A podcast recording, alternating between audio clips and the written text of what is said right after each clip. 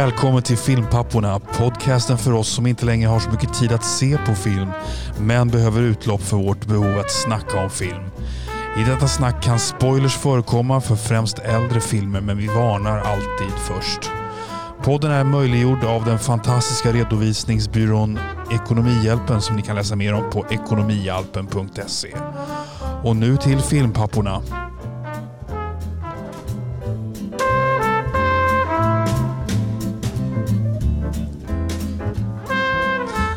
Och det där var faktiskt det sista vi hör av Oliver idag.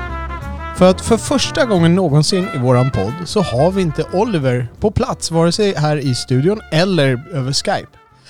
Um, vi har ju varit borta ett litet tag här och det har sina förklaringar. En av förklaringarna är att jag har ju fått en uh, dotter och uh, det, det gav mer jobb. Jag har en fru som uh, jag tycker att jag behöver spendera mer tid hemma. Hon är fantastisk och gör mycket men jag måste ju också hugga i min andel där. Även om hon tar merparten av arbetet. Sen Oliver har sina egna indisponibiliteter, om jag får leka med det ordet. Så att eh, vi har haft svårt att få ihop det, men då kom vi på så här att vi skulle ju kunna ha lite gästvärdar. För att vi brinner fortfarande för att snacka lite grann här. Så att idag så har jag med mig en, en gammal bekanting, tror jag man kan säga för de som har lyssnat ganska mycket. Jag har med mig våran lyssnare Robert P här i studion. Välkommen Robert! Tack, tack. Tack. Eh, för de som inte är bekant för dig, de som inte har suttit och lyssnat, du har ju varit med flera gånger tidigare Mm. över Skype och på telefon och sådär. Vi har hört många roliga historier där om, eh, eh, nu tappar jag namnet, vad heter han, Darth Vader? Ja, David Prowse. David Prowse, ja precis. Eh, och diverse annat eh, här genom tiden. Men vem är du? Vad jobbar du med? Var bor du? Jag bor i Haninge och jobbar som bildlärare på en skola. Ja just det, bildare. Ja, Och du höll på med lite utställningar nu? Ja. där. jag jobbar ganska mycket med egna bilder, bildprojekt. Precis, och jag hade, du har med lite grejer här. Ja. Du skickade en grej på Instagram också som jag tänkte att jag lägger ut länken Ja. till det där. Ehm, I, eh, i an- avsnittsanteckningarna. Mm. Och du har givetvis barn, Ja, så du är kvalificerad Ja. som filmpappa. Bra. Vad, hur många barn har du? två. Två ålderskategorier De är 12 och 17. och kön. Vad har de för kön? Eh, Det är två tjejer faktiskt. Två tjejer, 12 och 17. Mm. Right. Ja, Full då, rulle. då kan jag ta lite tips från dig sen som Ja. har en tjej på noll år än så länge. Jag behöver veta lite grann vad man har att vänta sig. Men om man går över till filmdelen av, av din karaktär där. Vad har du för favoritfilm då? För man kan börja sätta in det i ett filmfack här. Det var en svår fråga för att jag gillar ju all slags film men om jag skulle få välja en genre då skulle det bli science fiction. Ja. Och den absoluta bästa filmen det är ju Blade Runner. Blade Runner. Ridley Scotts Blade Runner. Precis. Och vilken version av Blade Runner ska man se? Det finns ju massa olika cuts på det där. Ja, det är det där. som är dilemmat också. Jag tycker mycket om den här Blade Runner, som, den första som kom. Där Harrison Ford har den här voice-over, där han förklarar. Den tycker jag är jättebra. Ja, just det. Och det, jag har hört att det var en reaktion på att publiken förstod inte riktigt vad som hände. Och då, då fick han komma in och spela in voiceover. Mot sin vilja. Ja, just det. Han, Ja. han var helt anti mot detta. Det var ju Ridley Scott som mer eller mindre tvingade Harrison att ha den här voice-overn. Ridley Scott verkar tvinga Harrison till mycket för Ja. de, var- de var inte direkt kompisar efter Nej. den här inspelningen har jag förstått det som. Nej, nej. Men om man då går över till, har du någon favoritregissör? Är det Ridley Scott eller är det någon annan? Nej, nej. Där har jag också jättemånga. Jag har en som jag tänkte, ja, det, det, det är efter humör. Det, det är gamla klassiska regissörer som jag brinner för. Orson Welles, Billy Wilder, till och med David Lynch av de här nya kan man säga. Billy Wilder, det är vår lyssnare Birgitta har, ett, eh, har en mjuk plats i sitt hjärta för Billy Wilder också. Mm. Okej. Så har du någon favoritskådis? Någon sån här? Kanske från ungdomen? Någon som du... Mm. Jag är uppvuxen med Steve McQueen till exempel. Jag älskar ju Steve McQueen Mm. när jag var liten. Det är jag nu också, men nu har jag insett mer eller mindre att han är mer en stilikon än skådis. Steve Ja. McQueen. Den som jag kommer sörja mest när han dör, och det är väl vilken dag som helst kanske, det är Clint Eastwood. Ja just det. det är verkligen mycket. Det, alltså, det, det är hatten av för att han gör filmer fortfarande. Ja, ja. Det är helt fantastiskt. Och det är inte, det är inte dåliga filmer. Det är inte Nej, bara att han kommer in i en cameo utan Ja, han ja. håller regi och allting. Vet du. ja. Nej men han är fantastisk. Han är ju en fantastisk musiker också. Musiker också? Ja, ja. Han, är, han har eget skivbolag. Han, är, han älskar ju jazz. Nu, det här är alltså som Oliver hade suttit och berättat och svarat jättesmart på. Han sitter där och bara, jaha, har han? Okej. Jaha, så Clintan där har vi. Och har du någon sån här... eh, Om vi säger, vi, kan, vi kanske ska ta och datera dig. Vi, Oliver och vi är båda 76 och Mm. går till samma klass. Du är snäppet äldre, Jag är 68. 68 där.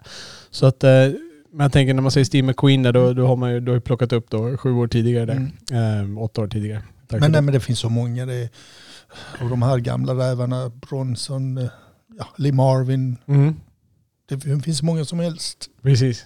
Och vi som hoppade in åtta år senare, då vi, för min del var det Harrison Ford och de där bitarna som, man, som vi växte upp med. Ja. Har du Harrison någon- är inte så dålig. Nej, en går inte av facket.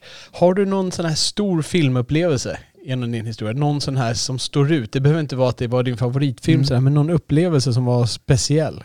Det finns en fransk film Ja. som jag tänker på. Jag älskar fransk film, jag älskar franska vågen. Varför inte Oliver här när man behöver honom?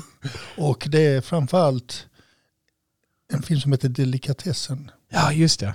Och den har en speciell, vad ska man säga, förhållande till. Det är att när jag såg den på bio, jag var den enda i salongen. Ja. Ingen annan. Jag var alldeles ensam på en jättestor biosalong. ja.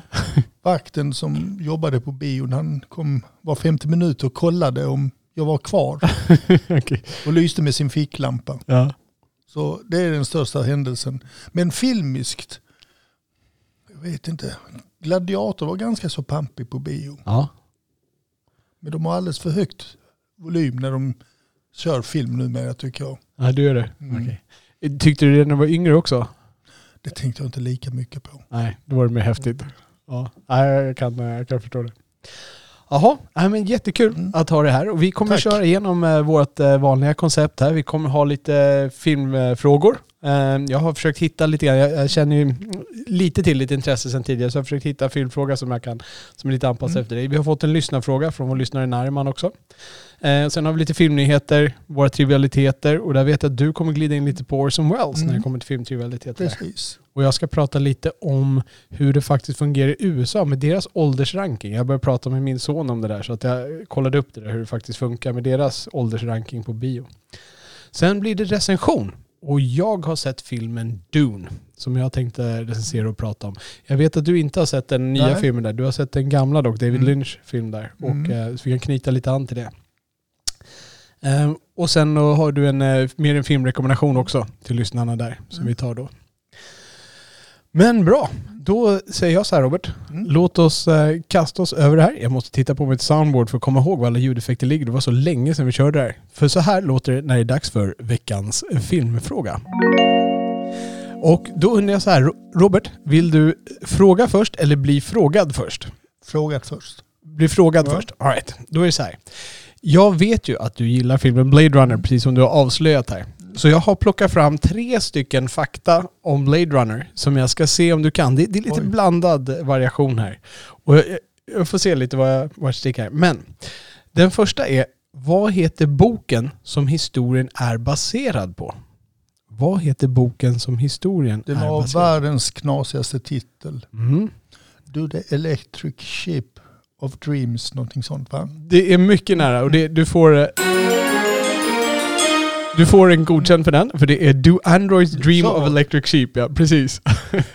mycket bra. Kom, vet du vem som har eh, skrivit den också? Ja, ja, Philip K. Dick. Mm, mycket bra Robert. Han, han eh, fick inte uppleva filmen. Han dog strax innan premiären. Ja, Okej. ja, det är bra. Då går vi till fråga två av tre här.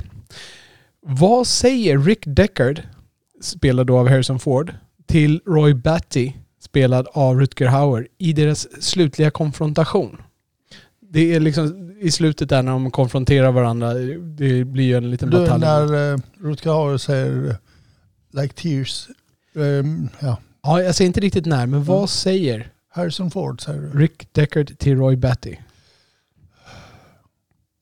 Ingen blev, nu står det helt stilla i min skalle. Ja. Ja, nej, ja. Det är, det är faktiskt, eh, på sätt och vis är det rätt för att de säger inget allt. Mm. Det är en kuggfråga. ja. Han har ingen replik i Nej. hela den konfrontationen, så Nej. du får en. En rätt för den också. och sista frågan här. Så efter att det de kallar för principal photography, alltså efter att de har filmat, liksom spelat in allting, efter det var klart så fick en av nyckelpersonerna i hela filmproduktionen sparken. En av nyckelpersonerna i filmproduktionen fick sparken. Jag säger inte att det är, om det är skådis eller producent Mm. eller musikant eller regissör eller vad det nu är. Men en av nyckelpersonerna fick sparken direkt efter det. Vem var det? Det har jag inte läst någonstans, jag kommer inte ihåg. Men jag gissar, hoppas att det är Ridley Scott. Det är Ridley Scott. Mm. Han fick sparken. Ja. Det, var så. det är bra. Du kan- grejer din eh, där. Han fick sparken där tillsammans med en- någon, eh, någon annan person direkt efter för att de hade gått över budget och för att de, då skulle bolaget ta över och köra eh, klippningen där. Eh, men eh, de återanställde ju dem sen. Eh, så att Ridley fick komma in och göra klart det. Det var ju då det kom det här med, med att han, och, han fick spela in röster med Harrison och allt. Ja, att men det, det där som är intressant som du sa i fråga två, Mm. när de är på taket. Hela den repliken som Rutger har Ja, just det. den är improviserad. Ja, just det. Det hört. Det är helt magiskt alltså. Mm. Att han, det passar bra in i musiken och allting. Precis. Det är nog en, som jag tycker, en av filmhistoriens snyggaste. Och i, i min värld är ju musiken en jättestor faktor i den filmen. Och den är givetvis gjord av, Vangelis. precis, som har gjort fantastisk filmmusik. Han gjorde, jobbade med Ridley ganska mycket. De gjorde någon annan film. Vet du vilken? Musiken till. Eh, Ridley, ja just det. ehm, Conquest of Paradise, var Ja. det, det, är med Ridley Scott ja. Ja. Som handlar om Columbus. Columbus-filmen. Mm, exakt, 1492 Ja, heter filmen ja. för den kom 1992. Ah, Okej, ja det var så. Ja, just det. De, det, jag de skulle göra jubileumsfilmer Mm. om Columbus. det kommer jag ihåg, vi hade planscher i skolan på den där. Jag gick ju i första ring då eller någonting sånt där. Okej, Mm. Nej, men bra jobbat där. Ja. Och då har du en eh, fråga till mig här. Ja. Jag, jag knäcker lite fingrar och ben och så ska vi se vad jag kan klara här. Ja. Nej, Kanske jag slipper få en jazzfråga eller någonting sådär som Oliver brukar komma. Nej, jag ska vara lite snäll här. Ja. Vilken världsberömd regissör, producent, manusförfattare, fotograf och skådespelare har gjort reklam för Findus frysta ärtor och även frysta fiskpinnar? Då måste du Roy Andersson. Nej. Nej! jag tänker att jag ska kunna något. Det, är alltid så här, Oliver knäcker allting jag får alltid fel. Jag tänkte att nu kanske jag ska med. Vem är det då som har gjort det här? Det är Orson Welles. Va? Orson Welles? Ja, Nej. jo. Nu, Jag kan berätta. för Findus Ja, finns det. ja. Berätta nu, det här blir jag extremt nyfiken på. 1965 Ja. så anlitades Orson Welles av en reklambyrå i London för att göra reklamfilm Ja. för tv. Och kunden det var ju skånska Findus Ja. som behövde. Och du vet hur mycket känd Orson Welles är med sin Citizen Kane och allting. Ja, visst. Så ville ändå Findus att han skulle göra en casting. Ja. Och då blev Orson Welles skitförbannad. ja, okej. Varför ska jag göra en casting? Vet ni inte vem jag är ungefär? Och dessutom vill han ha pengar i förskott för jobbet. Okej. Och han fick sina pengar men han dök aldrig upp på casting. Nej. Så reklambyrån i London fick jaga honom över hela Europa för att han skulle göra en provinspelning. Och till slut så dök han upp. Och sen började han ifrågasätta manus och allting. Ja. Och det här finns på YouTube. Så du kan ju lägga upp länken på detta. Absolut. Hittar man Orson Welles Findus-reklam Ja. på YouTube? Ja, Det måste vi kolla på. så det kommer jag ge dig här sen en länk som ni kan titta på. Orson Welles, han har ju någon historia med reklam. Det finns ju någon annan, han ska ju reklam för vin. Ja. Och, och han, eh, de ska spela in det då. Han själv är ganska drucken. Ja, han verkar ja, han är testa produkten. Ja, precis. Och han får inte ihop replikerna där. Och han hänger inte med på när de ska börja prata. Och han bara sitter där och såsar. Och de andra skådisarna står tålmodigt där och försöker Precis. hänga med. Men det, det, det, sen var han också, han var med i en animerad barnfilm också. Kan du vilken? Orson Welles, Ja. med, det här har jag hört. Det här har jag hört. Ehm, Tidigt 80-tal. Ja. Är det Bernard Bianca? Nej, nej, nej. Nej, inte Bernard Bianca. Nim. Du får inte ramla av stolen och berätta. Nej, animerad. Jag har ju hört det här förut. Jag, jag, jag kommer känna igen det här. Säg inget om jag bara får tänka lite till. Det här, det här, är, så här, det här är fantastiskt poddande. Lyssna på Robert Denka. Jag borde ha pausmusik här. Bum, bum, bum. Vad fasen är det? Jag kommer ihåg det. Nej, säg det. Transformers. Transformers, så är det ja. Den Det- animerade han, Transformers. Han är, är han Optimus Prime? Ja. Ja, precis. Ja, jag har hört det. Ah, ah. Ja, jag fanns där bak i Mm. huvudet. Jaha, ja, men det var bra. Vi har ju också en uh, lyssnarfråga.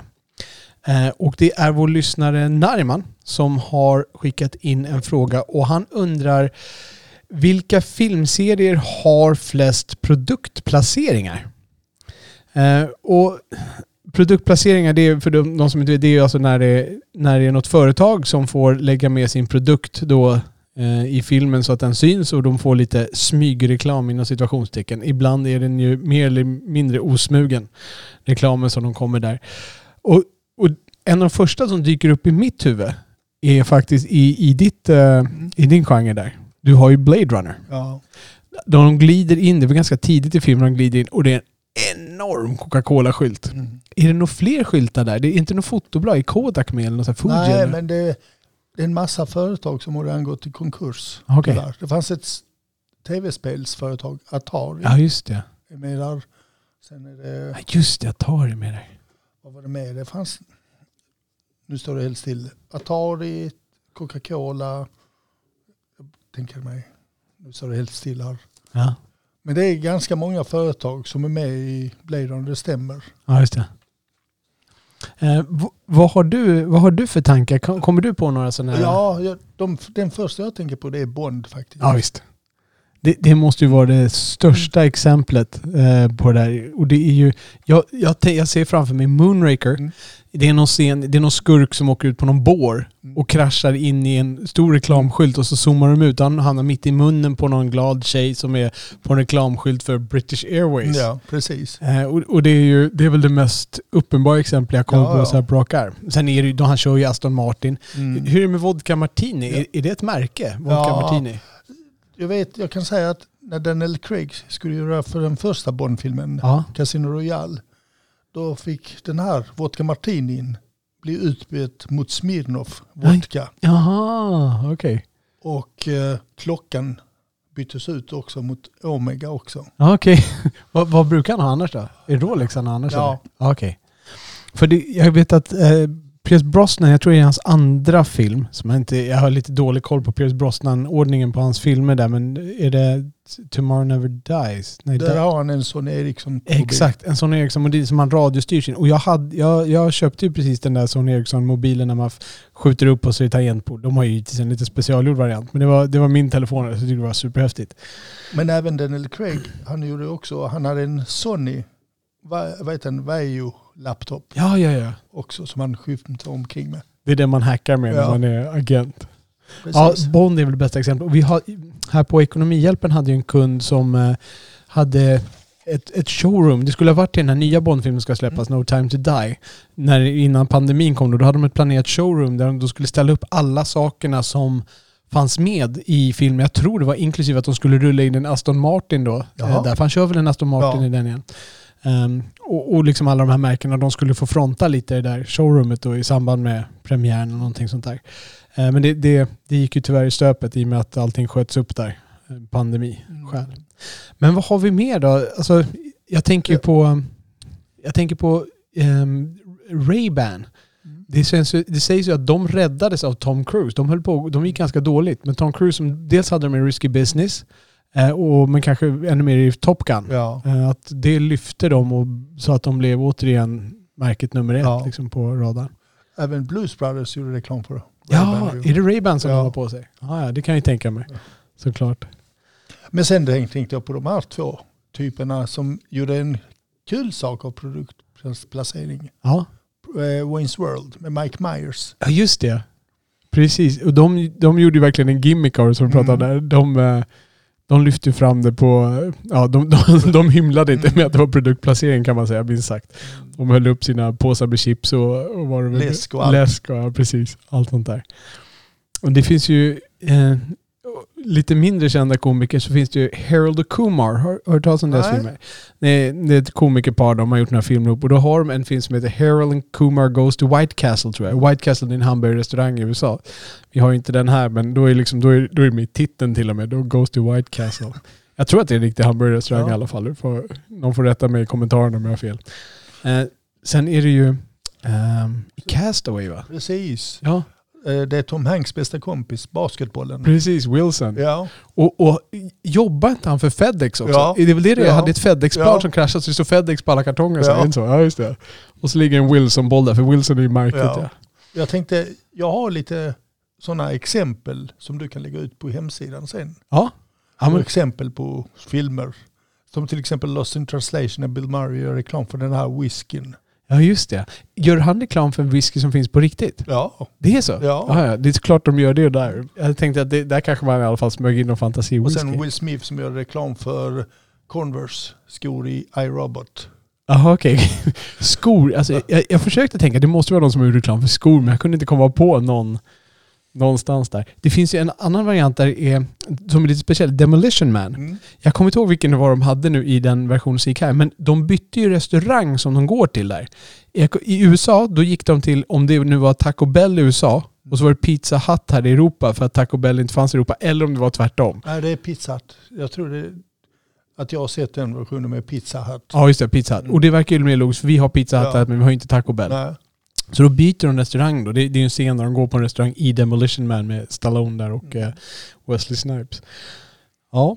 ja, men det är bra. Det finns det är en, en film som jag tycker är irriterande, som är med som en reklam, det är ju eh, eh, Google-filmen The Internship. Jag vet inte om du har hört talas om den. Det är ju med Owen Wilson och eh, vad heter han? Från, eh, som han spelar med i... Du eh, menar Vince Vaughn? Vince Vaughn, ja, tack. Så de spelar ihop i Wedding Crashers och lite annat. De spelade in The Internship och då är de ju på Google och, och interner där då.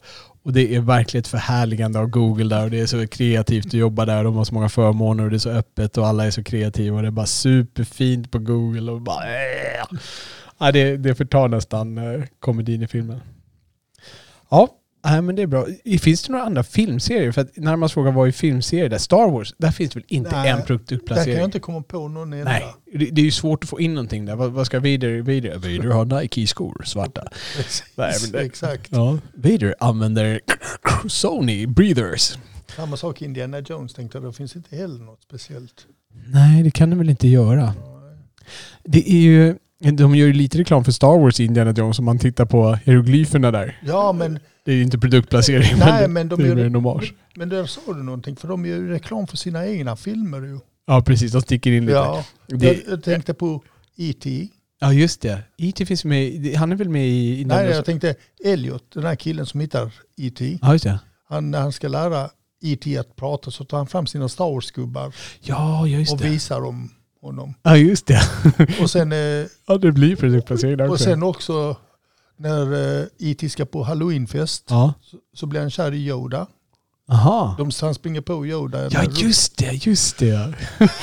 ja, just det. Så, och samma, samma sak om vi tittar på Poltergeist, där var ju Spielberg också inblandad. Ja. Alla leksaker, tecken på sängen, det är Star Wars. Ja, Så, det, de- så de kliar varandra i ryggen. ja visst. Hur, hur är det med Marvel då? De måste ju ha massa produktplaceringar. Där, tyvärr så kan jag inte uttala mig. Jag, det är inte min typ av film om jag Där säger så. kommer du till korta. Där Ja. hittar ämnet där, där, där du inte kan... eh, Man, Det, det är det enda, om du frågar mig någon favoritsuperhjälte då tar jag Batman. Batman.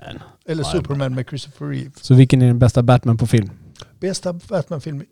På film. Inte bat- filmen utan vem, vem är bäst som Batman på film? Filmen kan vara dålig men vem är bäst Batman på film? Det var en, också en kuggfråga där. Om jag får välja en, Ja, då tar jag Michael Keaton. du gör det. Ja. Jag är beredd att säga Ben Affleck. Just som Batman. Mm. Inte som Bruce Wayne kanske, men som Batman. På vilket sätt? Alltså han, han fyller upp... Jag, jag är ju uppvuxen lite mer med den här mörkare Batman, med lite mer Dark Knight som, som ju Snyder är inne med på. Ehm, det var mer det jag halkade in på, inte så mycket den här detektiven som svingade runt liksom i linorna. Ehm, och han uppfyller den rollen bättre. Alltså jag, jag tycker han är en... Han, han är en bra Batman. Ehm, han fyller kostymen väl, både fysiskt och eh, karaktärsmässigt. Men varför inte Christian Bale? Alltså de filmerna är ju bra. Ehm, men det är, eh, och det är, han är en bra Batman. Det är inte så att jag, jag säger att alla andra är dåliga. Men jag tycker att Ben Affleck är en visuellt och karaktärsmässigt bättre Batman i mina ögon. Den är närmare den Batman som jag gillar. Så det är nog en personlig preferens. Jag älskar eh, Nolans filmer. Och jag, jag ser dem som mycket bättre filmer än Snyders eh, filmer med Batman i. Vem är den sämsta? Ja, vad har vi då? Ja, det, Jag, alltså, skulle, jag skulle säga George Clooney. ja, George Clooney, alltså Val Kilmer. Ja. Om man säger så här, jag tror George Clooney, den filmen är ju så dålig. Jag tror egentligen att Val Kilmer är en sämre Batman. Mm. Skulle jag gissa på. Ja, det är svårt att säga. Du glömde en Batman Vilken då? som jag är uppvuxen med. Tänker på Adam West. Ja. Ja, just det. Då är vi, då är vi ute. Jo, han gjorde ju en film. De gjorde Ja. en långfilm på det också. Ja, så han har ju filmkredit. Ja, ja, det har han ju. Helt. Men eh, han har snygga tights också i den. Ja, han och Robin. Det är bra. Ja, vi glider över på filmnyheter. Och här har vi lite gott och blandat. Vi, vi har ju inte varit här i eten på länge så det är ganska mycket gammalt. Det är gammelheter här. Jag har ju följt lite grann den här twisten som Scarlett Johansson har haft med Disney. Har, har du hört talas om det? Nej, det är helt... Det var ju, hon släppte ju den här filmen Black Widow i somras. Eh, senaste Marvel-filmen höll jag på att säga, men nu har de ju faktiskt precis släppt Shang-Chi and the Ten Rings, eller vad den heter. Och, men, eh, och den släpptes ju sådär lite grann på bio, men mest på streaming. Och då står det i hennes kontrakt att hon ska då få pengar för... Eh, hon får procent på biobiljet- biointäkterna. Och då tycker hon att det blir fel eftersom de inte tryckte ut den så mycket på bio så hade hon inte chansen att få de här provisionerna. Och det är i stort sett det hon stämmer. Och, och sen om hon hävdar att de ska få en del av streamingprovisionerna eller att de då borde satsa mer på bio och sådär. Det, är en- det är en annan fråga där. Men det är det som tvisten handlar om. Och eh, det såg ett tag ut som att det här skulle bli en ganska sur grej. För det trappades upp lite grann i media, eh, tonläget. Eh, Disney stod emot och sa att eh, det, här, det, här kommer vi, det här kommer vi säga nej till. Liksom. Men sen blev det tyst eh, medialt. Och jag tror väl att de kanske har börjat hålla handen eh, bakom där. Eller i alla fall vill föra bakom lyckta dörrar. Samtalen. Så att eh, det inte behöver vara i pressen fram och tillbaka. Vilket ju inte skulle gynna Disney. Som har ju, de har ju väldigt bra image vad gäller Marvel som jag tror de vill behålla. Ja, så att eh, vi får väl se när det sista ordet kommer ut där. Men nu har det varit tyst ett tag i alla fall. Det här började ju redan i augusti tror jag det var som det här började blomma upp där och eskalerade lite och sen tystnade det nu i september. Så vi får se om vi får ett Ja. ja. slutligt svar på den där frågan. Hade du någonting där? Ja, de håller på att eh, jobba nu med att göra en film om Avicii till exempel. Ja just det, artisten Avicii. Ja, och det kommer handla om hans liv och han, det kommer ge ett nytt perspektiv om han, vem han var. Okej.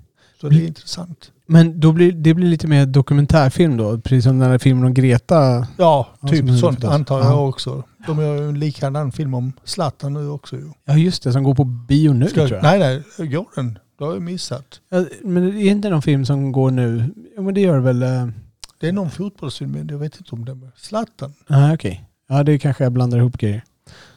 All right. Vet vi någonting om eh, vem som regisserar den här? Ingenting. Nej. Right. Ingenting. Inte ens vem som ska spela Tim då. Ja. Oliver kommer bli glad att veta att eh, äntligen så kommer en ny film i hans absoluta favoritserie Expendables. Jaha. Jag är klart ironisk eh, när jag säger det. Det är Expendables 4 som kommer. Eh, och det är Stallone som kommer tillbaks, Jason Statham kommer tillbaks. Eh, och nu får de med sig Tony Ja, som jag inte har så jättebra koll på är, men Meg- och så Megan Fox, som ju mer är ett ansikte än en skådespelerska har jag känslan av. Hon var ju med i Transformers-filmerna där. Eh, och eh, det finns väl en berömd twist mellan henne och eh, regissören ehm, Bay, vad heter han nu? Michael Bay. Michael Bay, tack. Ehm, från det där filmerna. Han skulle förstöra hennes karriär och hon försvann väl ganska mycket efter det. Men nu är hon tillbaka i alla fall i Expendables 4. Hon var tydligen Expendable och nu är hon där. Har du sett de första tre Expendables? Ja, det är riktiga karamellfilmer. Ja.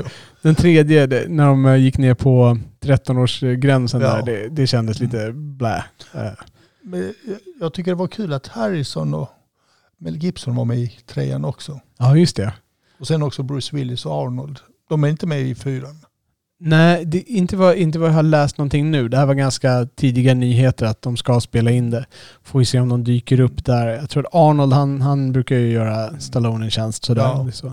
Men Bruce Willis var väl inte med i trean, eller hur? För det var, Jo, ah, nu vet jag inte. jag tror inte han var det, för det var väl en berömd twist där han skulle ha så mycket betalt så att Ja. eh, det var överdrivet. Det är kul om Dolphin är också med. Ja, just det. Jo, men det, jag tror att han skulle vara med i Ja. den här nya också. Honom hade de ringt. Chuck Norris ska jag sakna. Han, Ja, han dök upp i tvåan Ja, var det va? ja. Ja, just det. Precis. Som han hade en liten... och sen Jet Li. Ja. Det är ju, det är ju inte särskilt eh, cerebrala filmer det här. Nej. Det kittlar inte Ja, hjärncellerna men så mycket. för mig är det som karamellfilmer. Sug på karamellen och karamellen är slut så är filmen slut också. Exakt. ja. Så vad har du med där? Eh, Jag har också att musikern Nick Cave, Ja, just det. Så Ja. inte Nick Cage, skådespelaren, Nej, utan nej. musikern Nick Cave. Cave från, från, Australien, precis, vad heter hans band? Nick Cave and the Bad Seeds. Bad Seeds, så är det. Han ska spela författaren H.O. Wells Aha. i en ny film. Och för de som inte vet, författaren H.G. Wells, H.G. Wells, eh, vad är det han har skrivit som är så känt? Världarnas krig, Den osynliga mannen till exempel. Världarnas krig, det är ju den filmen som senast Spielberg gav sig på där med Tom Cruise för, vad var det, början av 2000-talet? Ja, någonstans. precis. Och jag kommer nämna lite snart lite mer om Världarnas krig. Ja, okej. Osynlige mannen, där har vi haft eh, med, eh, eh, vad heter han, Bacon, eh, har ju spelat. Eh, Ja, ja, sen- Kevin Bacon. Ja, sen vet jag inte om det är riktigt samma Osynlige mannen. De har ju spunnit vidare på det konceptet kanske. Mer än att det är samma Ja. historia. Jag gillar de här gamla klassiska som kom på 30-talet. Ja, just det. De är lite sköna. Vilka fina effekter det var då. Precis, Världarnas krig, det finns ju som radioteater Mm. också. Det är det Eh, jag kommer att prata om sen. Ja, ja, vad kul. ja, men det är bra. Sparar vi det till trivialiteterna. Det finns en skådespelare som heter Ed Asner eh, som är död. Och det lustiga här, egentligen det jag nämner för honom för att jag känner direkt igen Ed Asner till namn. Och då funderar jag på vilka filmer är han med? Men när jag så går in och tittar på hans filmografi då finns det typ ingenting. Han har varit med i filmer, han har varit med i Elf, den här filmen med Vad heter han? Eh, Will Ferrell ja. ja, Eh, julfilm. James Gunn, är med där. Ja, varit med i Pixar-filmen Upp och sådana där saker. Men varför känner jag igen det? Han var tydligen en stor förkämpe. Alltså, han var väldigt kraftigt, han var väldigt uppskattad i Hollywood förstår jag. Han var en förkämpe, han var mycket för facket, liksom skådespelarfacket. Han var mycket för skådespelarna, han var på deras sida. Han hjälpte väldigt många människor. Jag tror att han jag tror att hans namn mer skanderades runt där än vad han hade stora filmroller. I och med att jag har, jag har liksom solklart hört talas om honom. Liksom, jag kan inte placera sammanhanget. Jag kan inte få till det. Vad, vad har jag hört Ed Asner? Men jag hör honom, jag har hört hans namn gånger om och om, om igen. Liksom. Jag tycker också det är ett bekant namn. Ja. Ja, så att, eh, men han har eh, passerat ur tiden där i alla fall och eh, han var ganska gammal, 91 år. Så att ehm, det var hans tid. Mm. Jag har någonting annat här. Eddie Murphy. Eddie Murphy. Ja, han var med i gjorde jag New, Prince New York 2 Precis. med Amazon Studios. Ja. Och nu har han tecknat kontrakt med två nya filmer med Amazon. Okej. Jag tror att ehm, det vart väl ingen så här jätterosande succé för en Prince New York 2. Ja, jag var inte så glad i den heller. Du har sett den? Ja, Ja. Jag tittade inte men jag hörde ganska eh, tråkiga saker om den där. Att det, det var inte mycket. Den försökte bara göra om ettan men det var bara halvdan repetition. Skulle, Titta. du- skulle du stämma in i den? ja, Ja. jag ser hellre om ettan två gånger än att se tvåan. Ja, just det. Men jag hörde att Wesley Snipes är, är guldkornet i tvåan. Ja, han är det? bra. Men jag är inte så stor fan av Wesley, men eh, han gör ett bra jobb. Okej. Va, ehm, vad är Wesleys bästa roll, säger du? Eh, Du menar i, hans, i hans karriär? Ja, i hans karriär. Åh, det var svårt. Jag gillar ju inte som sagt Wesley Snipes, men jag gillar honom i Blade. Blade, ja just det. Ja, den, den fyllan. Han skapade den Mm. rollen, det får man säga. Så när man pratar om Wesley Snipes så tänker på Blade, den här vampyrdödaren. Ja, just det. Ja, det är grymt. Det ska ju komma en ny nu och då är det han som är med i Green Book som jag inte kommer ihåg namnet på. Uh, som ska spela Blade nu. inte Matt Ma- Damon. Nej, nej, Maya Ali vad han Jaha, heter. jaha. Ehm, eh, någonting i den stilen heter han. Förlåt mig för att jag inte kommer ihåg hans namn. Ja, ja, ja. ja. Det är Green Book med Ja, ja. Viggo Mortensen och ja. den som han skjutsar runt där i södern. Mm. Bra. Men sen har jag också lite grann här nu i samband med nya Bond-filmen. Ja, just det. No time to die. Som Ja. har premiär typ nu. Har den haft premiär precis dagarna? Eller Ja, precis. Premiär strax. Exakt. Och då har ju tidningen Moviesign listat vilken är som den bästa Bondfilm med sina läsare. Ja. Och då på nummer 10 så har de valt Moonraker faktiskt. Aha. Med Roger Moore. Och sen kommer min favorit, Dr. No på nionde plats. Så du, den första filmen är din favorit? Ja, De prickade resten och resten var bara inte ja den bra. är på nionde plats. Åttonde plats är ju Mannen med gyllene pistolen. Ja. Jaha, Man with the Golden Gun Ja. på åttonde plats. Ja. För mig är det en personlig favorit, men normalt rankas ju den ganska långt ner Mm. av de flesta. Sjunde plats i Hennes Majestäts Hemliga Tjänst. Som många håller som etta. Ja. Mm. Och sen sexa, Ur dödlig synvinkel. Ja, just det. Den, den brukar ofta vara Ja. högst uppe. Jag brukar kalla den för Ulöjlig synvinkel. Okej. Och sen femte plats, Älskade spion. Ja. Fyra, Goldfinger. Ja. Trea, Goldeneye. Pierce Okej. Brosnans, nej, inte, ja, Pierce Brosnans debut som Bond. Dum, dum, dum. Mm. Nej, nej, nej, det är Goldenfinger. Du sa fel. Goldfinger på fjärde plats. Och Goldfinger på fjärde plats. ja, och på tredje plats, Goldeneye. Där kom Där Goldeneye. kom Goldeneye. Och sen Daniel Craigs Skyfall på andra plats. Vad Skyfall? Och på första plats Casino Royale. Ja, okej. Eh, Jag, kan, jag kan köpa Casino Royale. Det, det är en bra film. Men Skyfall. Jag, jag, kan, jag kan kategoriskt säga att Skyfall, den är helt fel rankad. Alltså- på vilket sätt gillar du inte Skyfall? Ja, men Skyfall. För, ja, du, du har liksom, de bygger upp en, i Casino Royale, de, de börjar om på nytt. Och de bygger en ganska intressant ny grej. De försöker följa upp den i Quantum of Solace, men de, de fumlar där. Mm. Eh, Det håller jag med om. Ja, det, det blir inte så bra. Men jag, jag ser tanken i Quantum of Solace hur det ska fortsätta. Och då blir de oroliga. Och plötsligt ser vi en Bond som inte knyter an till det där. Det ser ut som att han har varit med om 71 grejer däremellan. För nu är han avdankad och slut och trött. Medan i den förra filmen, då var han liksom i början av sin karriär, ung och, och visste inte vad han skulle göra. Så var kommer det hoppet ifrån? Och sen känns det som att hela den filmen är, är liksom det, det är som en parafras på, på liksom, eh, den här frågan som finns. Liksom, eh, är, det, är det dags för Bond att gå ur tiden? Liksom har, är han fortfarande relevant i filmvärlden idag? Det känns som att de, liksom, det är frågan, är han relevant i, i agentvärlden i filmen? Liksom? Det är som att de ska eka den frågan på något sätt. Det är massa ologiskheter och det, det är liksom... Jag, jag, vet- jag köper inte det. Från att gått från att vara realistisk så blir det återigen sån här liksom eh, Jag, jag, coola tvärt, scener, klipp ihop. Jag tänker tvärtom, för jag gillar Skyfall. Men om jag hade sagt, sagt allt detta om eh, Spectre, då skulle jag Mm. hållit med dig. För Spectre tycker jag är en av de sämsta också, Ja. Bond-filmerna. Jag, jag, jag har faktiskt inte sett Spectre. Jag gick ut efter kanske 30-45 minuter på Skyfall.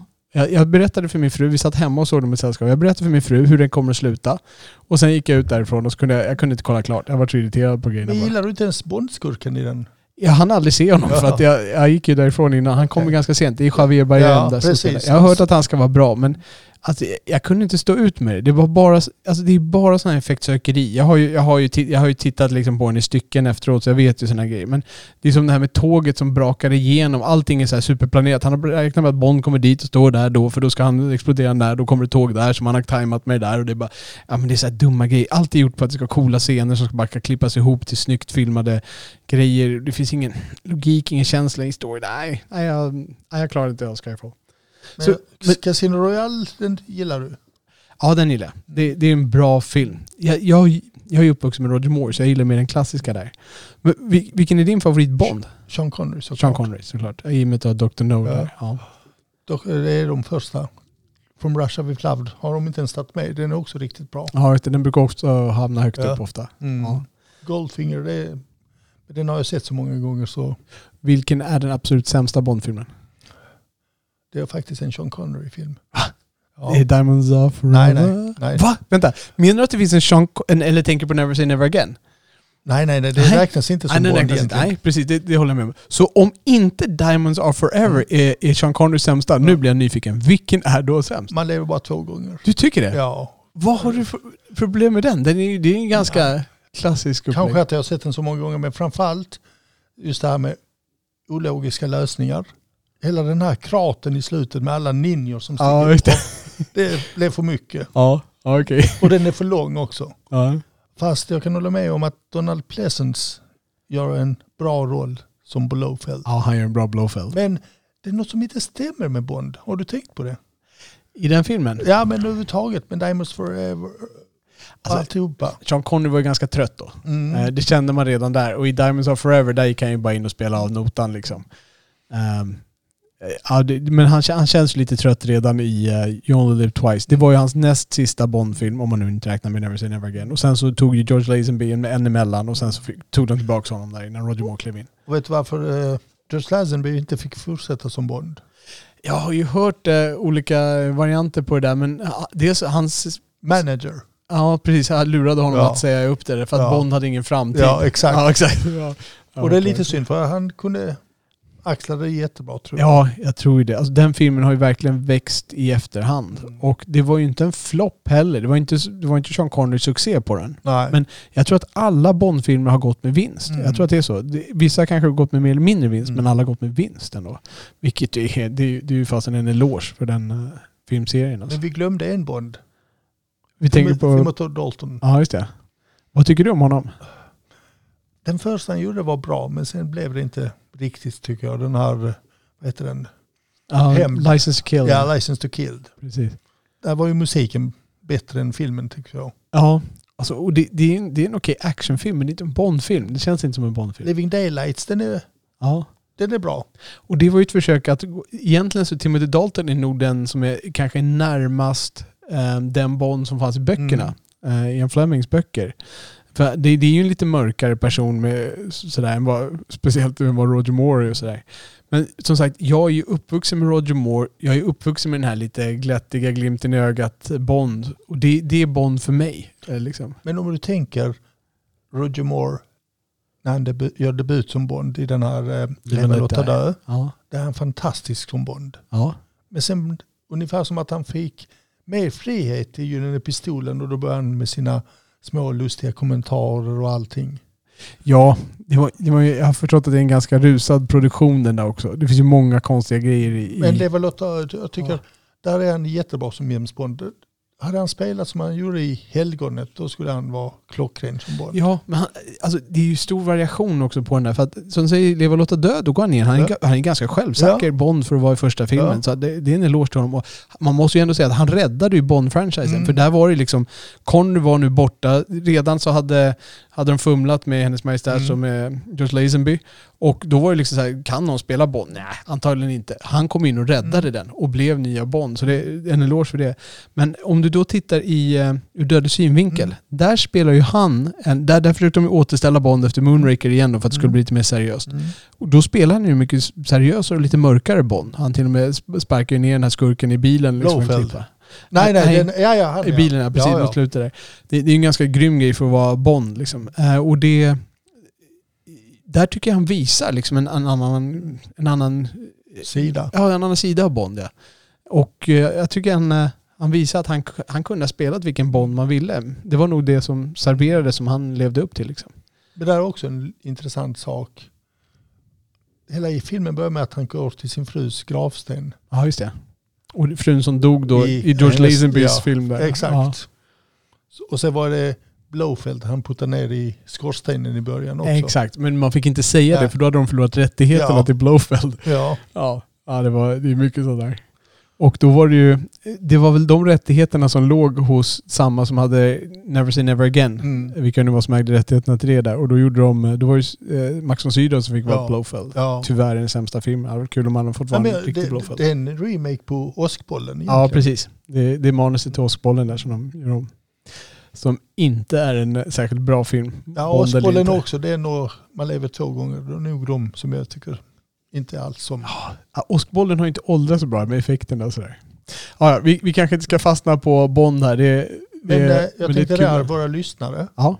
de kunde ju skriva upp sina favorit. ja, precis. Skriv in era favoriter i kommentarerna gärna.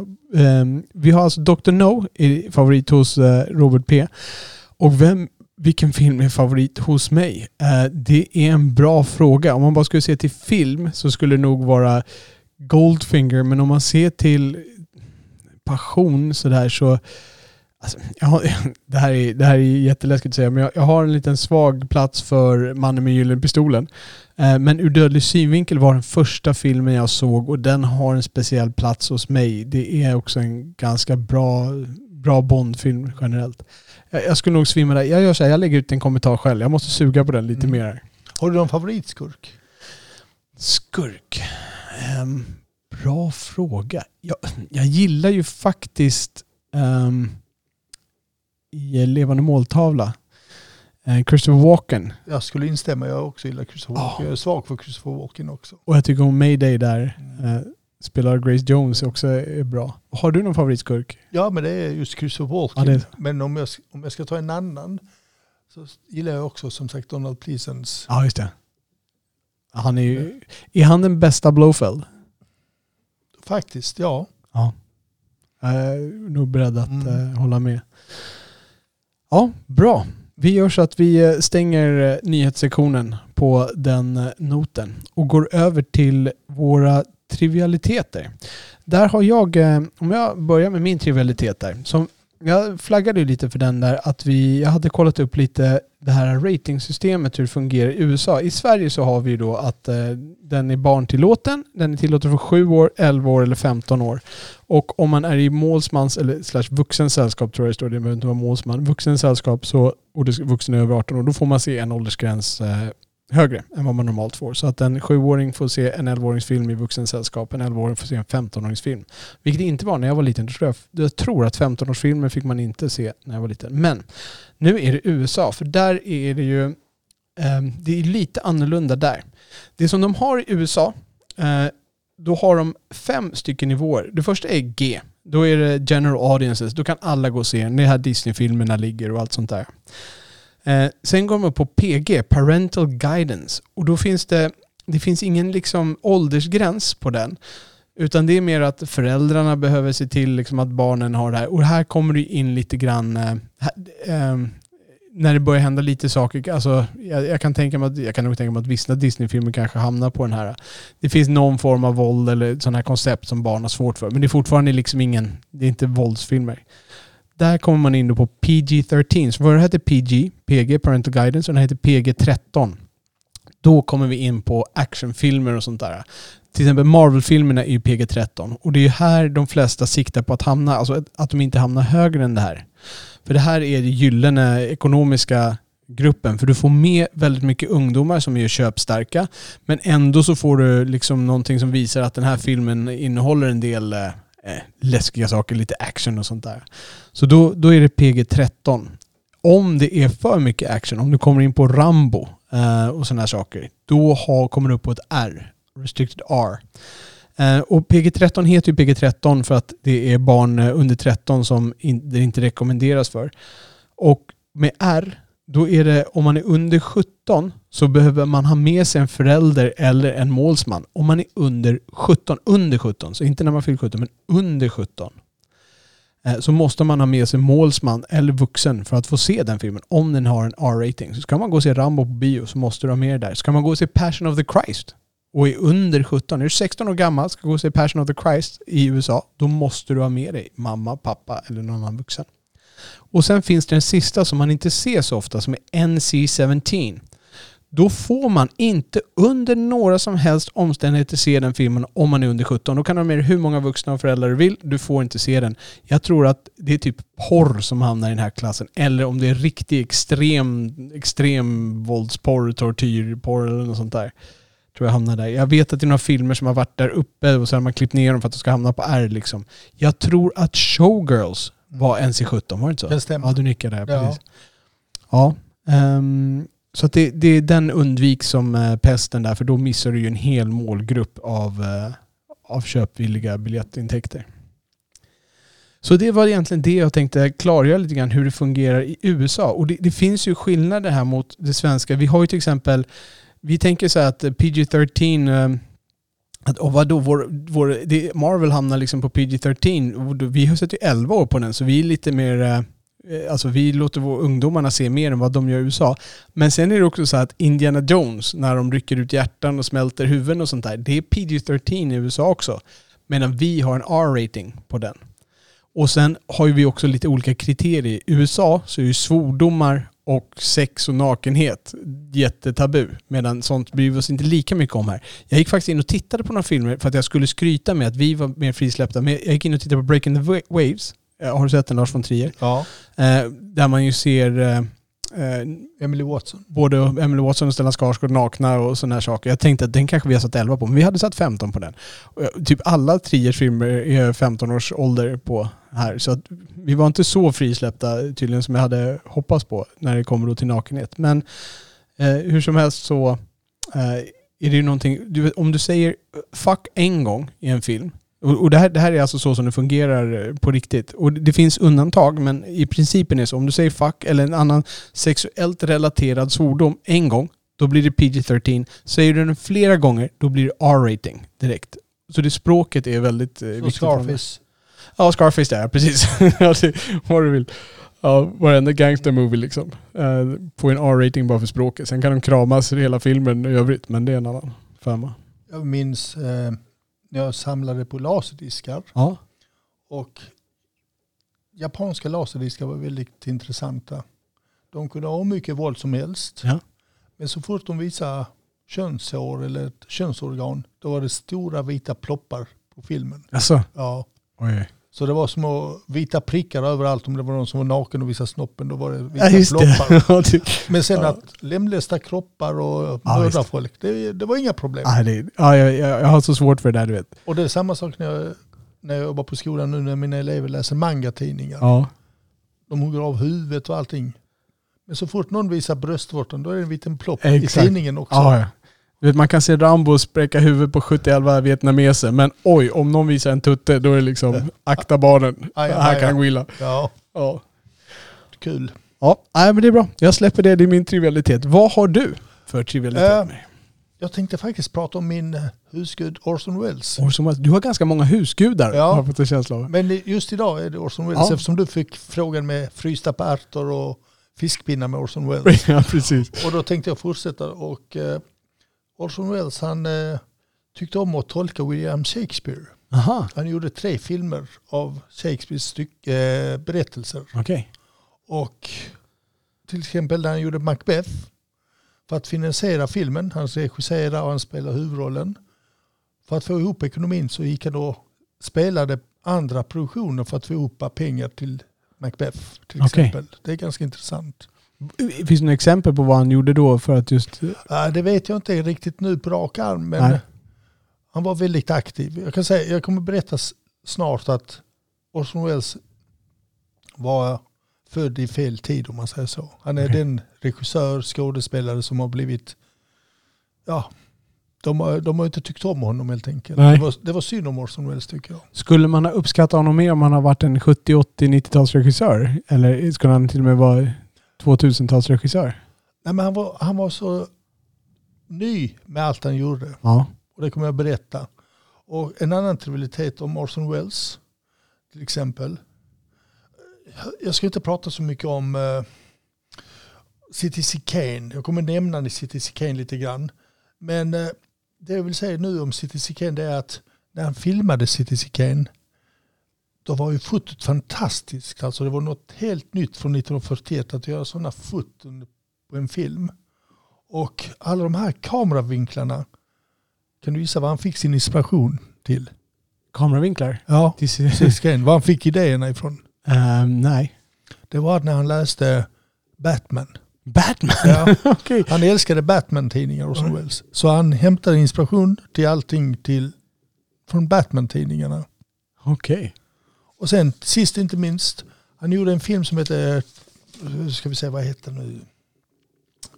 Eh, Just det, Shims at Midnight. Ja. Och hela den filmen slutar med ett riktigt slagfält. Ja.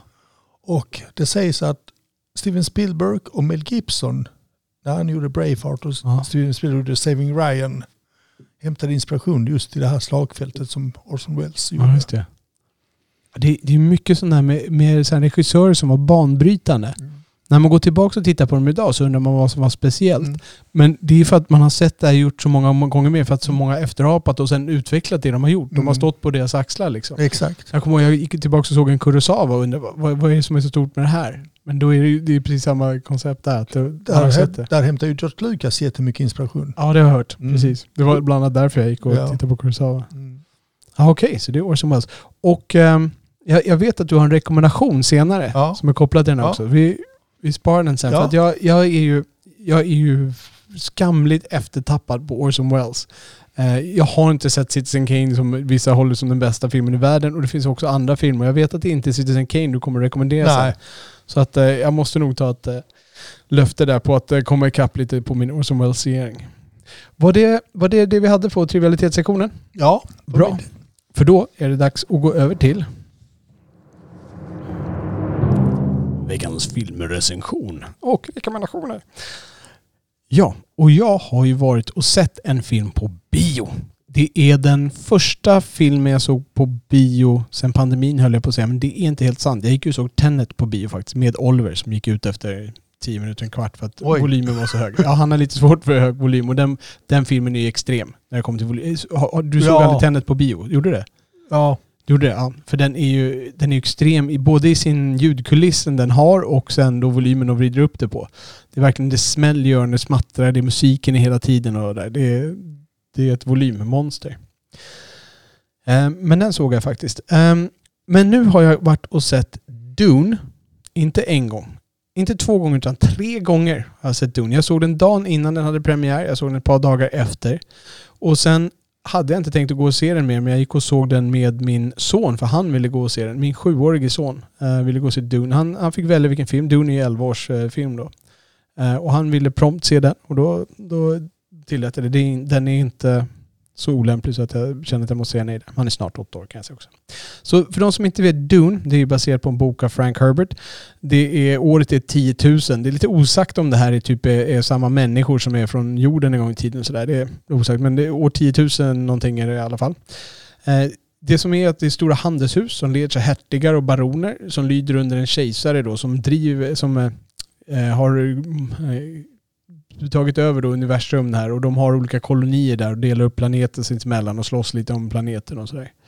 Men det finns en planet då som sticker ut och det är Arrakis. Det är en ökenplanet och anledningen att den sticker ut är för att där finns spice, som det heter på engelska, kryddan.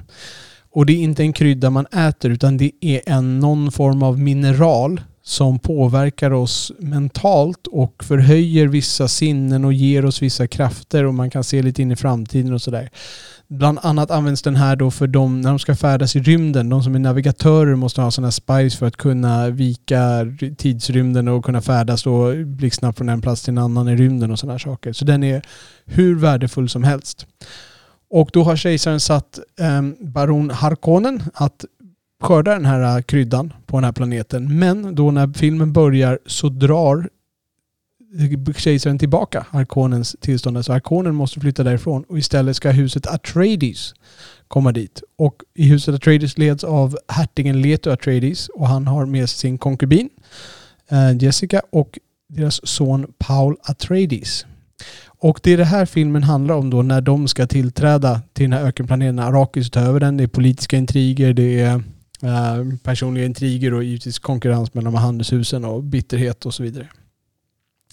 Det är handlingen i Dune. Jag säger inte mer än så. Det kan säga också, det finns ett folk på Dune. Det, eh, fremenerna bor där. Ett eh, ökenfolk då.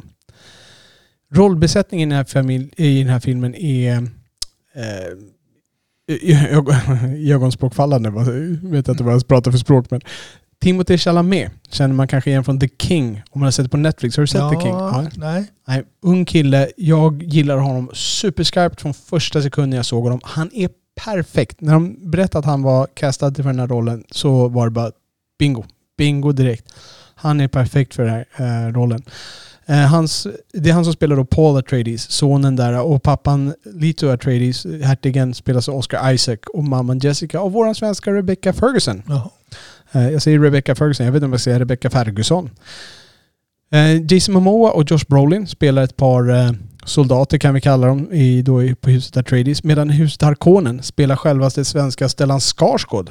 Harti, eh, baronen Harkonnen där. Och hans undersåte, jag tror att han brorson då, spelas av Dave Bautista. Som heter Rabban. Och han, det är den rollen, jag tror att det, nej det är inte den rollen som Sting hade. Utan Sting var en annan kumpan där i första, David Lynch version. Vi har också Javier Bardem som spelar ökenfolk, en av ökenfolket. En ledare där som kommer in och ska förhandla lite. Regissören till den, här till den här filmen är ju Denny Villeneuve. Jag har ju pratat om den här filmen jättelänge. Jag har sett fram emot den enormt mycket.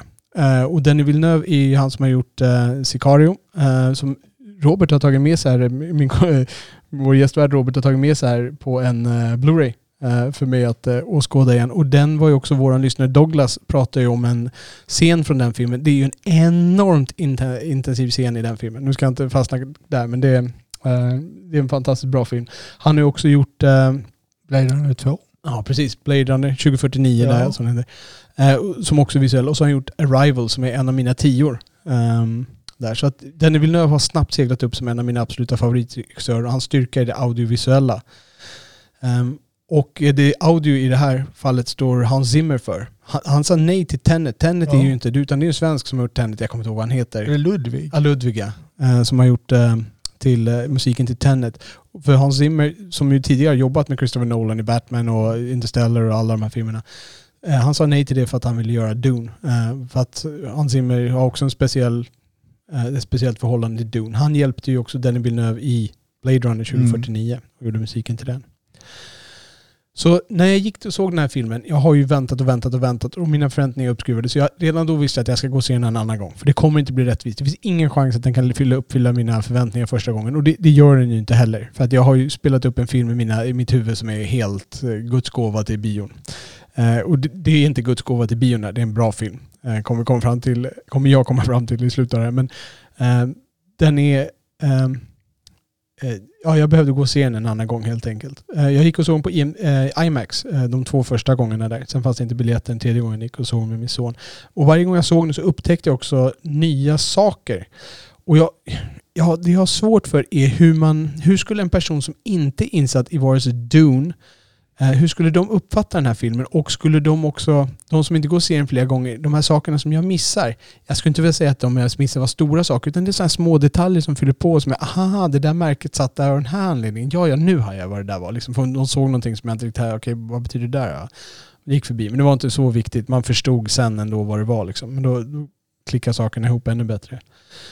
Ehm, jag, jag skulle vilja veta hur det är för en första gångs person som går och ser det här som inte har sett David Lynch där, som inte har läst Frank Herberts eh, bok. Hur ser de på den här filmen? Hur upplever de den här filmen? Någon som får uppleva det här för första gången. Jag kan ju historien. Liksom. Jag läste boken för en, kanske 25 år sedan. Jag har sett David Lynch-film. Ehm, ja, Hantverket, fotot, var det snyggt? Ja, alltså det, det är ju jättestarkt. Eh, Den, ehm, alltså det, det är jättebra gjort. Alltså det, det är bara ett audiovisuellt flöde um, i den här filmen. Jag, jag kan delvis tycka att det är lite, alltså, alltså en aning högt tempo.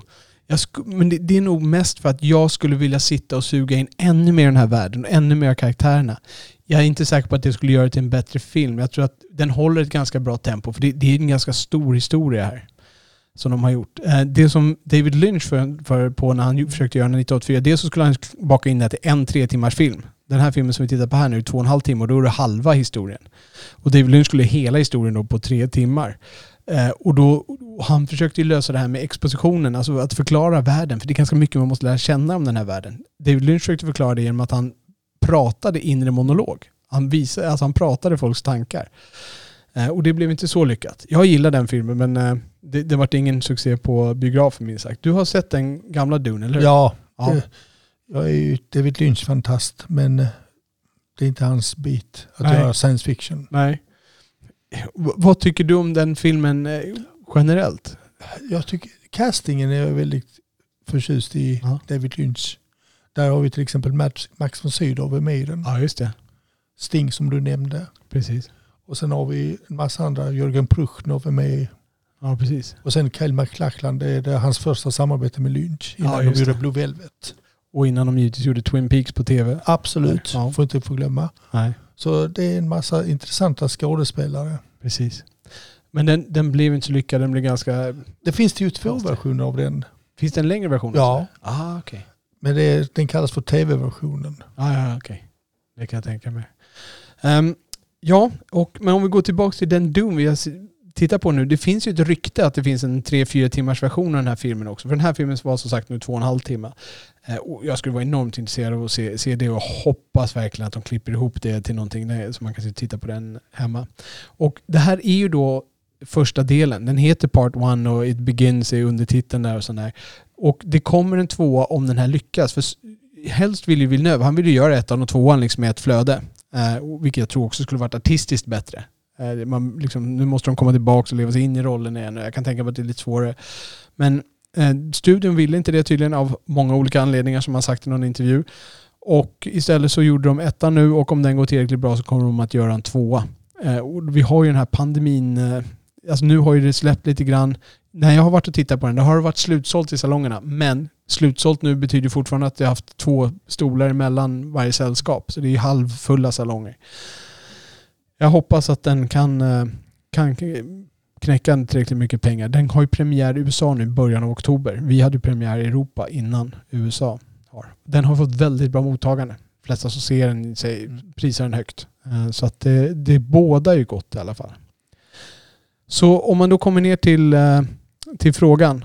Eh, kan jag rekommendera den här filmen? Ja, jag vågar rekommendera den här filmen till nästan alla. Och det är inte så att alla kommer gilla den. För det här är som jag sa, det är inte Guds gåva till bion. Det här är ingen fantastisk världs, alltså livsomvälvande upplevelse. Men eh, jag gav den själv bara 9 av 10 på IMDB. Jag, jag sätter inte ens en, ens en 10 av 10. Men jag tror att alla kommer ha en bioupplevelse av den här. Det här är en film som är värd att gå och se på bio. Och jag säger gå på bio och se den. Kan ni se den på IMAX, gör det. Men det är inte ett måste. IMAX tillför inte så mycket. Det tillför lite grann. Det, det blir lite kul. Men jag såg den som sagt på lite, eh, mycket mindre skärm i Sickla med min son. Och det funkade jättebra det också. Så att eh, se filmen där ni kan se den. Kan ni se den på IMAX, gör det. Man, man får ju liksom lite större vyer. Det är lite maffiga scener och sådär som den använder sig av. Um, ja, så jag, jag rekommenderar den här filmen och det varmaste och det blir min rekommendation den här veckan. Låter intressant. Problemet om jag ska se den på bio Ja, så kommer jag bara tänka på den gamla ja just det. och jämföra Ja. och hitta. Jag kan säga att det är väldigt mycket som är likt mellan dem, alltså, och då menar jag inte i scenografin så, utan i, snarare i replikerna och scenerna. Liksom det, en, det ser helt annorlunda ut, men jag tror att, vilket får mig att då tro att replikerna måste vara väldigt hämtade från böckerna. För jag tittade på den gamla filmen nu lite grann idag inför det här.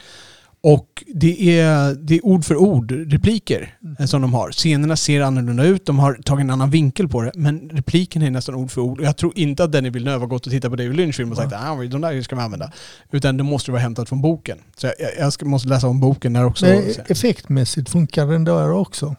Tänker du specialeffekter? Ja. Ja, alltså det, de är... Man, man tänker inte på dem. Och det är precis så det ska vara. Och det, det, det är så det, med den här filmen. Det är väldigt få filmer som jag inte sitter och blir killen bakom kameran. Jag sitter ofta och tittar på en film. Ah, okej, nu gör de det här klippet, nu gör de den här scenen, okej, nu gör de det här, nu kommer det här hända. I den här filmen är jag med på resan. Eh, och det är någonting... Det är ett väldigt högt betyg i min värld. Eh, Så effekterna ser inte ut som ett dataspel. Nej, nej, nej, nej. Nej, det är inte som i gamla David Lynch-film när de ska få på sig de där Ja. sköldarna. Nej, man, man tänker inte på de här. Utan det, det är som, James Cameron har ju den styrkan Ja. också. Han har ju väldigt bra specialeffekter, men man sitter inte och tänker på dem i Mm. filmen. De blir en del av filmen. Mm. Titanic, Terminator Ja. 2, även Aliens till viss del. Så Det är helt naturligt. Och Denis Villeneuve är, han är samma sak där. Det, det är historien, det är berättelsen, det är karaktärerna som är det viktiga som Okej. driver framåt. Det där är liksom bara ett medel att få framhålla miljön runt omkring dem. Det är rekvisita kan man säga. Ja. Det är inte syftet med filmen. Ja, men det är intressant. Jag får nu gå på bio och se den. Ja, det kan jag absolut rekommendera. Ja. Och jag sticker jättegärna med dig en biobiljett Ja. där om jag kan eh, Ja, lura iväg dig på den. absolut.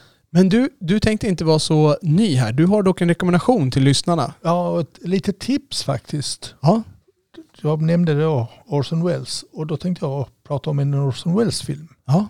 som är mitt, nästan en av mina favoriter som Blade Runner.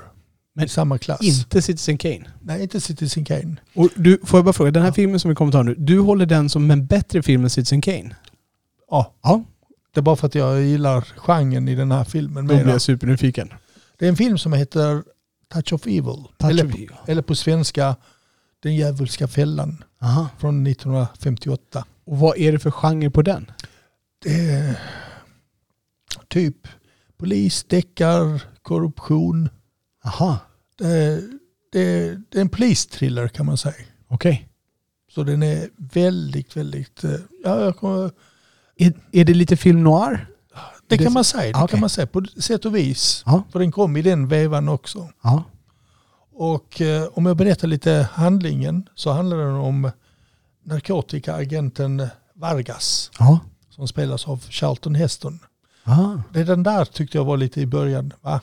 Heston, ska han spela mexikanare? Kunde inte varit någon bättre skådis än Charlton Heston som mexikanare? Men det typiskt. funkar. Och han är i Mexiko tillsammans med sin fru Susan som spelas av Janet Lee, Ja, Jamie Lee Curtis mamma. precis. Och de ska ha med sin smekmånad i Mexiko. När en bil helt plötsligt bara exploderar mitt framför ögonen på dem. Ja. Och då blir han, som, eftersom han är polis, intresserad. Vem sprängde den här bilen? Och då går det ut på att han ska ta reda på vad detta, vem, vem den skyldige är. ja. Och då kommer han nysta upp en härva av maktmissbruk, korruption, när han ska lösa fallet. Och den han har emot sig, det är den tjocka, feta poliskommissarien, polischefen Quinlan, eller vad jag nu kan inte uttala riktigt, kanske hans namn rätt. Quinlan eller någonting sånt, som spelas av Orson Welles Mm. själv. Så jag vill inte berätta för mycket om filmen.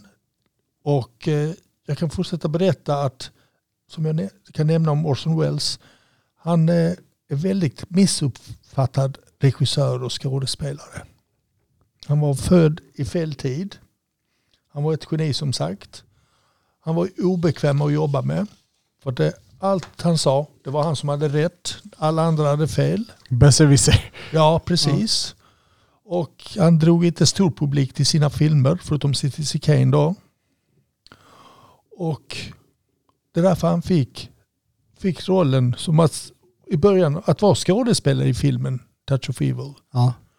Och den här filmen var, är väldigt speciell för att när producenterna de hade tänkt sig att det här skulle bli en vanlig B-film. Men när de frågade Charlton Heston så ville han verkligen ha Orson Welles som regissör i filmen också. just det.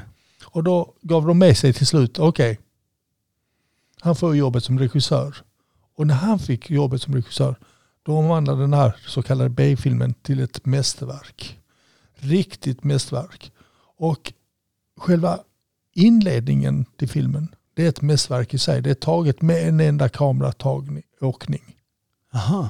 Så jag kommer skicka dig mail på det här klippet som, som du kan lägga ut på Hur, hemsidan. hur långt är det klippet? Hur lång är Tre kameran? minuter. Tre minuter? Ja. Ja, Och på den tiden kunde man ju inte tricka och fuska med det där på som man kan idag. precis. Det var tvungen att vara riktiga tre minuter. Exakt. Ja. Och det är fantastiskt. Alltså, det, det är ett hantverk utan dess like. Och sen Mm. musiken av Henry Mancini till Ja. exempel. Det är helt enastående också. Henry Mancini som kanske är mest känd för... Pink Panther. Du, du, du, du. Så det, det, det rekommenderar jag. Jag blir fantastiskt Ja. nyfiken. Ja. Ja, nej. Jag, jag slog upp lite snabbt på Vaudeville, Ja. Vo- V-O-D-E, ville.se, vaudeville.se som jag tycker är en jättebra sajt för att hitta var de visar filmerna. Man kan hitta den här filmen på Blockbuster, på Microsoft och på iTunes. Så om man går till Microsoft Store eller iTunes eller Blockbuster så kan man hyra den här filmen för en eh, 20-40 kronor där. Det låter som att det här är någonting som jag måste eh, ta mig an. Ja, det måste du. För det är fantastiskt. Och jag kan bara säga också, det är den första filmen som eh, där två personer kan prata samtidigt som de kör bil på riktigt. Ja. Innan var det bara en, ska man säga, en duk i bakgrunden att det skulle låtsas att de kör bil. Ja, ja, ja. Så, så här kör de bilen på riktigt. riktigt. Det är inte bara den här Ja. som går i Ja, bakgrunden, den exakt. klassiska. Ja. Ja. All right. Så du, Robert, och, och, vågar jag göra en sån här utmaning? Om jag säger till dig, om du får en biobiljett av mig, Ja. eh, kan, du, och, och, kan du lova att gå på Dune inom två veckor Ja. om jag lovar att gå och att uh, hyra den här filmen och se den inom två veckor? Eller så att jag kan låna ut filmen till dig nästa gång vi ses. Eh, det, det kan du göra, men jag, jag kan hyra den också. Ja. Jag har ju Microsoft Store Ja, där. 30 okej. kronor kan jag vara. Det, Absolut. ja, bra. Skakar vi hand på det. Topp. Nej, nu har vi en filmdeal. Det är bra. Du har fått en, en publik till till Dune här så att vi ska få en tvåa. Nej men perfekt. Ja. Eh, då har vi en bra rekommendation där och det låter som att det är fler som kan gå in och titta på den. Jag kan säga här att betyget när jag går in och tittar på den här eh, filmen på Vaudeville och jag tror att deras betyg är en blandning av, eh, är det Rotten Tomatoes och IMDB? IMDB är den ena parten i alla fall. Vi ska säga, ja just det, Metacritic. IMDB och Metacritic. Betyget är 9,4. Den filmen har en 8 på IMDB, den har 99 av 100 enligt kritikerna på Metacritic. Så att eh, du är inte ensam om att uppskatta den här filmen. Ja, nej, jag ska ta den här. Då kommer jag se den före Citizen Kane. Ja. Alltså, jag vet inte om Oliver kommer bli glad på mig för det, men jag, jag tror jag får godkänt. Den är mycket bättre än Citizen Kane. Ja. ja men vad bra. Den Vad är överskattad. Jag, jag blir fantastiskt nyfiken bara när jag hör om den här. Så, med det har vi våra rekommendationer och recensioner där. Och vad kommer då framöver? Vi kommer ha en gästvärd även eh, nästa vecka. Och då kommer vår lyssnare Sebbe att vara med om alla planer klickar i. Eh, och jag tänkte att jag skulle tacka dig Robert. Tack. Du kommer få en biobiljett eh, med dig sen då med Dunes namn påskrivet. Och jag tänkte om jag får avsluta med att, har du sett på den här uh, Actor Studio när han sitter och intervjuar eh, olika skådisar där som kommer tillbaka till skolan. Det, det är en ganska känd intervjuserie där han, eh, ledaren som jag inte kommer på namnet på nu, han har gått bort. Men han avslutar alla sina intervjuer med eh, Pinots eh, frågeformulär där. Mhm. Lite klassiskt. Jag tänkte om jag fick eh, köra den på det också. Det är tio Ja. frågor som är Ja. lite all, Ja. allt möjligt där. Och då är det första, vilket är ditt favoritord? I film. Nej, bara ditt favoritord personligen. Om. Om. Vilket är ditt minst favoriserade ord? Vilket ord tycker du minst om? Varför? Varför? Vad tänder dig kreativt, andligt eller emotionellt? Och då menar vi inte tänder sexigt, utan vad, vad går du igång på? Liksom? Kreativt, andligt eller Kreativt. mm. vad, vad går du igång på? Vad, vad behöver det vara? Eftersom Typ jag jobbar ganska mycket med mina fotografier, då är det ljuset som är viktigt. Ljuset? Ja. Mm. Vad, är, vad är avtändande för dig? Och då menar jag återigen inte sexuellt, utan vad är det som liksom får dig att, nej usch, Girigt, girighet. girighet. Ja, då, är, då har man stora problem med Hollywood. Vilken är din favorit svordom? Nu får vi hoppas att inga elever lyssnar på det här. Ja. Eh. Jag säger det från min skånska bakgrund. Mög. Mög. jag vet inte om jag ska fråga vad det är för någonting. Det, det är ungefär samma. Jävla skit. Ja, okej. Mög. det är ju bra. Eh, vilket ljud eller oljud gillar du bäst? Då är det, vad heter det? Tinnitus. Tinnitus? När det piper i Ja, örat. okej. Du gillar det? Nej, Ja, Okej. då ska jag ta det som jag gillar. Ja, du ska det du gillar bäst. För Ja, nu fick okej. du nog svaret på nästa fråga, Ja. vilket du gillar minst. Ja, Men det vilket gillar du tinnitus. bäst? Det som jag gillar mest är när min dotter skrattar. Din dotter skrattar, okej. Ehm, vilket yrke annat än ditt eget Mm. skulle du vilja testa på? Om du skulle testa på något helt annat, vad skulle du vilja testa på då? Då skulle jag vilja bibliotekarie. Bibliotekarie? Ja. Där, där skulle vi kunna sitta på varsin avdelning. Eh, det skulle vara skönt ett tag. Vilket yrke skulle du aldrig vilja testa på? Det är jag nu. Lärare. Det var ju ganska deprimerande. det. Och om då himlen existerar, sista frågan. Ja. Om himlen existerar, vad skulle du vilja att Gud sa när du anlände vid pärleporten? Du får en andra chans. All right. det är ett bra svar. Robert, jag tackar dig jättemycket för att du har varit med här idag. Det var superkul och jättebra att du kunde komma och fylla i Olivers skor här lite grann. Och med det så är det dags för oss att eh, knyta ihop säcken här idag. Om ni har något att kommentera eller korrigera från dagens avsnitt så gör ni det som vanligt i avsnittskommentarerna på vår hemsida filmpapporna.se. Eh, om ni skulle vara sugna på att vara gästvärd så kan ni eh, hojta till där också. Ni kan följa oss på Twitter där vi är filmpapporna. Och med det så tackar vi eminenta Redisbyrån Ekonomihjälpen, vår gästvärd Robert. Tack, tack. Tack, tack.